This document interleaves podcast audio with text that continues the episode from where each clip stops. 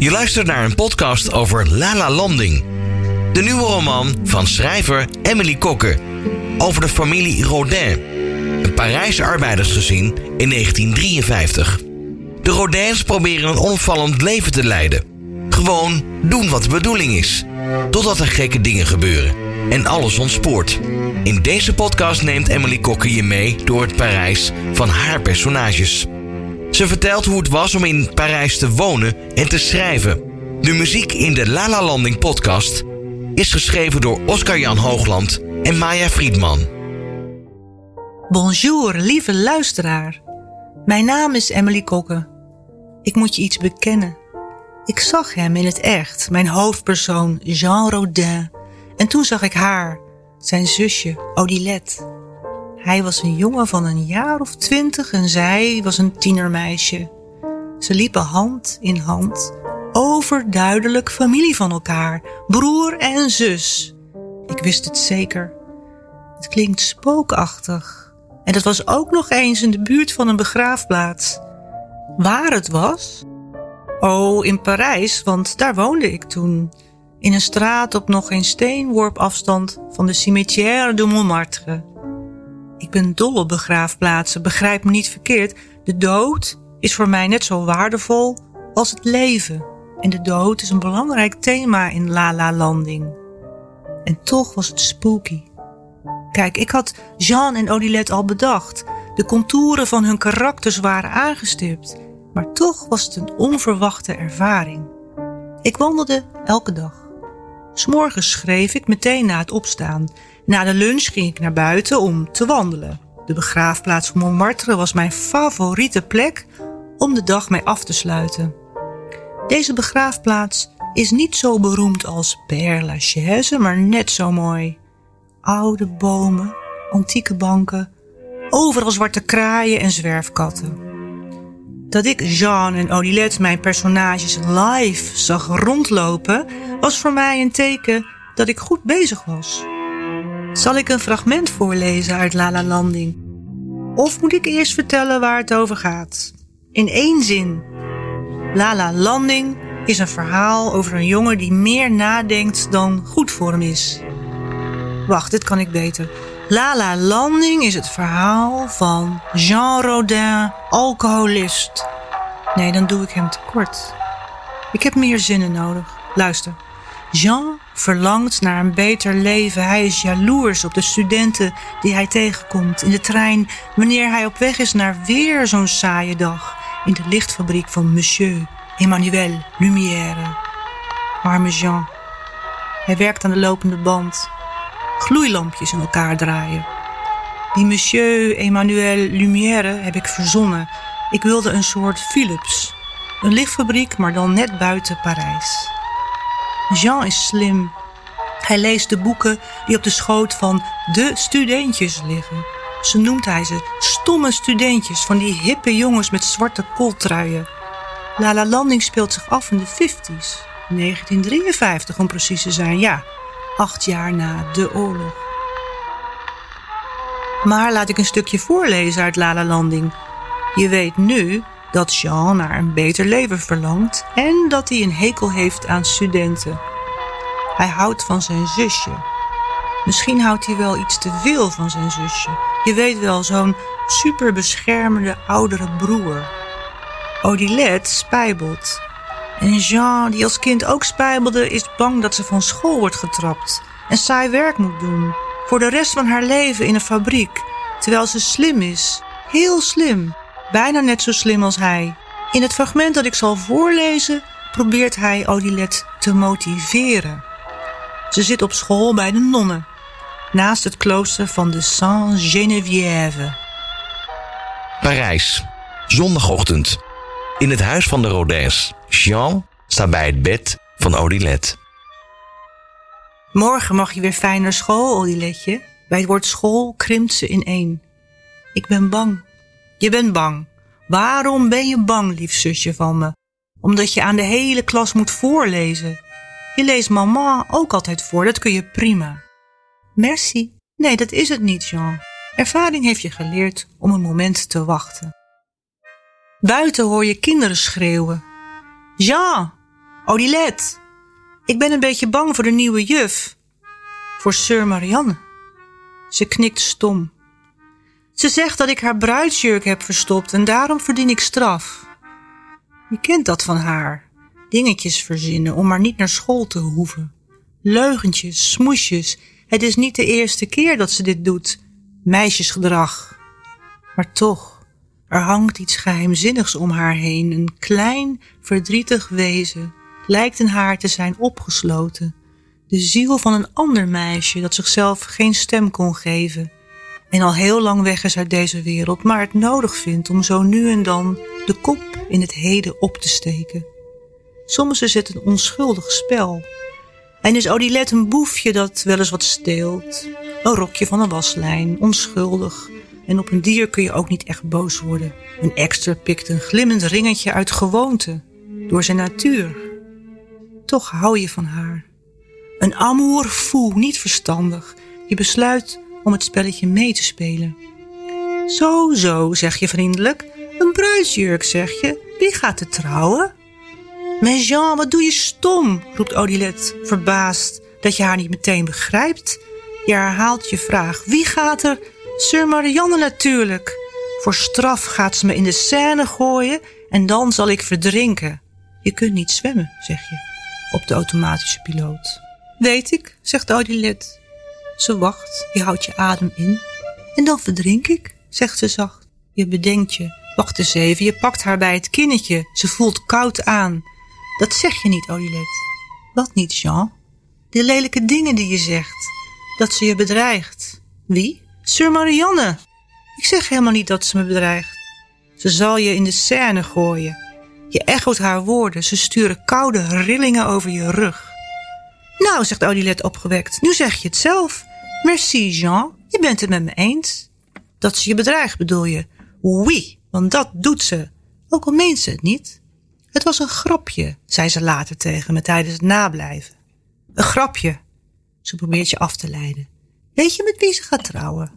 Nee. Raad eens. Nee. Met Jezus, zegt ze. Dat lijkt me normaal in de nonnenwereld, kleintje, zeg je nuchter en opgelucht. Wat bedoel je, Jean? Mais alors, dat ze niet met een echte man zal trouwen, maar met de zoon van God. De onzichtbare Superman. Je bent op de rand van haar bed gaan zitten, benen over elkaar, elleboog op bovenbeen, je hoofd rust zwaar in de palm van je hand. Odilette duwt er tegen. Jezus kon ook niet zwemmen, zegt ze vrolijk. Daarom liep hij over water. Je wilt meer over die Marianne weten. Maar gaat ze daarna weg bij jullie, vraag je. Onverschillig haalt Odilette haar schouders op. Ik hoop het, zegt ze. Denk je aan Parijs, dan denk je al snel aan Franse muziek. N'est-ce pas? Oui, oui. Zeg je Parijs, dan zeg je Franse chanson. Mijn vader was een echte francofiel en een groot muziekliefhebber. Toen hij drie jaar geleden overleed, liet hij een grote platencollectie na. Heel veel Franse muziek. De grijs gedraaide dubbel LP Vive la France. En het mooiste nummer is Paris s'éveille. Parijs wordt wakker van Jacques Dutronc. Het is een geweldig nummer over de eerste ochtenduren van weer een nieuwe dag in Parijs. De stad wordt wakker. De vuilnismannen rijden door de straten. Als kind zong ik het mee, maar ik had echt geen idee wat ik zong. Gelukkig maar misschien, want het lied gaat over het Parijs van het ruige nachtleven. Les travestis vont se raser, les stripteaseuses sont réhabillées, zingt Jacques Dutronc. Ik vertaal even, de travestieten, de drag queens zou je nu zeggen, moeten zich scheren en de striptease danseressen zijn weer aangekleed. En weet je wat zo mooi is aan een lied met een jeugdherinnering? De herinnering gaat meezingen tijdens het schrijven. Ja. En zo zingt de platenkast van mijn vader via dat lied door in het verhaal van Lala Landing. Want elke Lala Landingdag begint met die Parijse ochtendgeluiden. Het water dat je hoort stromen door de goten van de straten. In het schrijvershuisje waar ik woonde, aan de voet van de buurt Montmartre, hoorde ik dit elke dag. En niet alleen dit geluid, want na het stromen van het water barstte een symfonie los van geluiden. En daarna ging iedereen in het gebouw de deur uit. Echt, de een na de ander. En ik hoorde alles: het zuchten van de dranger van de voordeur, de echo van de voetstappen die naar rechts of naar links afbogen op het smalle stoepje, het slaan van de klok van de kerk in de straat, het gehuppel van schoolgaande kinderen, de stemmen van de ouders. Hoe mijn buurjongen zijn scooter aan de praat kreeg. Het was niet te geloven. Elke ochtend weer. Hij floot op zijn vingers en meteen hoorde je de conciërge naar buiten rennen om hem te helpen. En dat hoorde ik zo goed, omdat ik op de begane grond woonde, precies naast die voordeur. Soms voelde ik me net een spion. Ik woonde een maand in Parijs in 2019. Toen was het leven nog la vie en rose. Maar toen ik er weer ging wonen in 2020, moest ik half maart hals over kop vertrekken door de pandemie. Ik was aan de voet van de buurt Montmartre gaan wonen om in de buurt te zijn van mijn personages. Dat klinkt gek en tegenstrijdig. En dat is het ook. Want natuurlijk heb ik van tevoren bedacht dat mijn personages in Parijs wonen, rond Montmartre. En met mijn personages bedoel ik niet alleen Jean Rodin en Odilette, maar ook hun ouders, Hippolyte en Geneviève. In het gebied rond Montmartre struikel je over de architectonische schoonheden. De beroemdste is de Basilique du Sacré-Cœur en de Moulin Rouge. Allee, het archetypische Parijs. Het Parijs van de aanzichtkaarten. Het Parijs dat mensen delen op Instagram. Maar er is ook een geheim Parijs. Zo ontdekte ik een wijngaard, Le Clos Montmartre, op de helling aan de Rue de Sol. De wijngaard was een verrassing. Hij ligt naast een wilde tuin waar je niet in kunt zonder afspraak. Er staat een flink hek omheen. Veel scènes in La La Landing zijn beïnvloed door dat geheimzinnige van de omgeving. Ik kocht een fotoboek bij een boekenstal aan de Seine en toen ik bladerde viel mijn oog op een foto van een garde champêtre, de veldwachter, een soort buurtvader. En op die foto trekt die kerel een jong jochie aan zijn oorlel, best hardhandig vermoed ik, ook al lachen ze allebei. Het jongetje staat voor het hek van de wijngaard. Ik vermoed dat hij druiven had gestolen uit de wijngaard. Et voilà, zo ontstond er een nieuw personage. Monsieur Guillaume Bertin, de garde champêtre, een beroepsbemoeial. Hij bemoeit zich met alles in de buurt. Dus ook met Jean en zijn familie. Maar net als veel opzichters en politieachtige types heeft hij een blinde vlek voor echte problemen. Van het spijbelen door Odilette wordt een enorm ding gemaakt. Drama, drama, drama. Terwijl vader Hippolyte stiekem een illegaal handeltje drijft met gevonden voorwerpen. Gevonden voorwerpen? Nou, wat je vindt, dat mag je houden. Nippa? Nou, ik dacht het niet hoor. En die gevonden voorwerpen zijn ook niet zomaar gevonden voorwerpen. Want Hippolyte Rodin werkt in het depot voor gevonden voorwerpen van de Parijse Métropolitain. In het Frans klinkt het nog mooier. Le dépôt d'objects trouvés de Métropolitain de Paris. Enfin, hij kreeg de baan na de oorlog. Omdat hij een veteraan was. Omdat hij een mechanicien was in de fabriek van Monsieur Louis Renault. En omdat hij had meegemaakt dat de werkplaats van Renault naast het station van Porte-la-Chapelle werd gebombardeerd door de geallieerde notabene in 1944. Dit heb ik niet verzonnen, het is een historisch gegeven waar je te weinig over hoort. Maar goed, van Hippolyte heb ik geen treurend type gemaakt, integendeel, ik schets hem juist als een opgewekte man, een vrolijke vader, een echte Parijzenaar met zijn vaste plekje in zijn vaste café, niet vies van een glaasje wijn, een goede gewoonte die hij deelt met zijn zoon. Want ook Jean drinkt graag. Het is zelfs zo dat Jean en Hippolyte vaak samen aan de bar zitten van hun favoriete café, Bar Bistro La Renaissance. En door niemand minder dan de beroemde Nederlandse fotograaf Ed van der Elske worden gefotografeerd. Maar dat heb ik verzonnen. Waarom? Omdat het wel had gekund. Omdat de twee Rodins, Jean en zijn vader, aan de ene kant groter zijn dan het leven, maar aan de andere kant klein blijven. Jonger dan ze zijn, beschadigd. Kijk, ze doen wel alsof ze volwassen zijn, maar ze hebben geen grip op hun leven. Dat is tragisch. Ze spelen een rol. Neem Hippolyte, zo'n kerel die we allemaal wel kennen. Zo'n man die zijn stinkende best doet voor zijn vrouw, voor zijn kinderen, maar flink de weg kwijt is. Verdwaald in een grijs gebied waar de grenzen tussen mijn en dijn vervagen. Ja, zelfs tussen goed en kwaad. Ik denk dat mensen dit herkennen, die rare sfeer van na een oorlog of een wereldramp. En ik zeg dit omdat we ook nu meemaken dat de golven waarmee de woeste zee van de pandemie om zich heen grijpt, tegen de dijken van onze fundamenten beuken, verwarring zaaiend in de harten van de mensen. Maar goed, La La Landing is geen oorlogsroman, eerder een verhaal over noodlot en liefde. Het zijn grote woorden. En ik was juist bezig om even iets te vertellen over dat schimmige handeltje van Hippolyte in gevonden voorwerpen. Verloren voorwerpen zijn het eerder, objet perdu, vergeten voorwerpen, gedachteloos door de forens in een metrocoupé achtergelaten of stiekem uit een raam gegooid omdat het iets clandestines was of een ding van een te persoonlijk gewicht. Hoe dan ook, de verloren of gevonden voorwerpen staan voor mij voor de vluchtigheid van de waarde van dingen. Vluchtig als het leven zelf. Zeg Emily, wil je nog een laatste fragment uit het eh, boek voorlezen? Natuurlijk.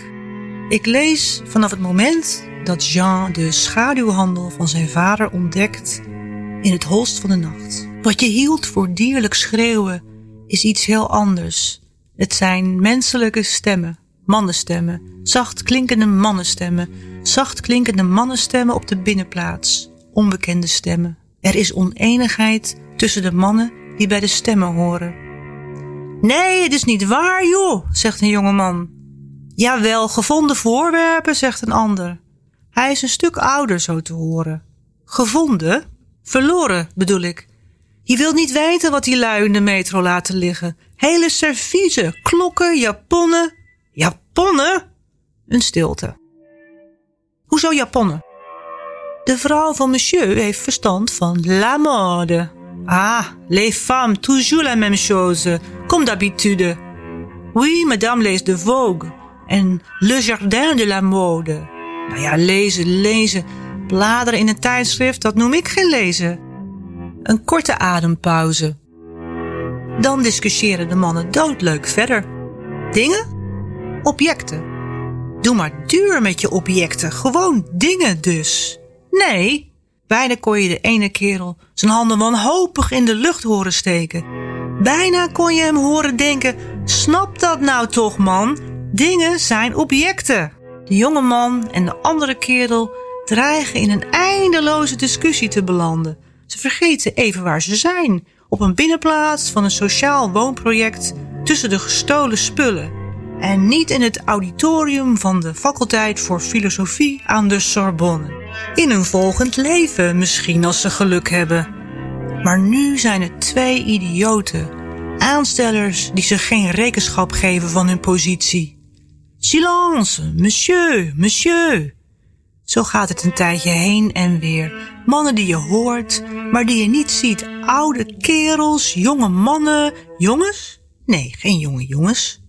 En je hoort de prachtige voornaam van je vader vallen. Hippolyte.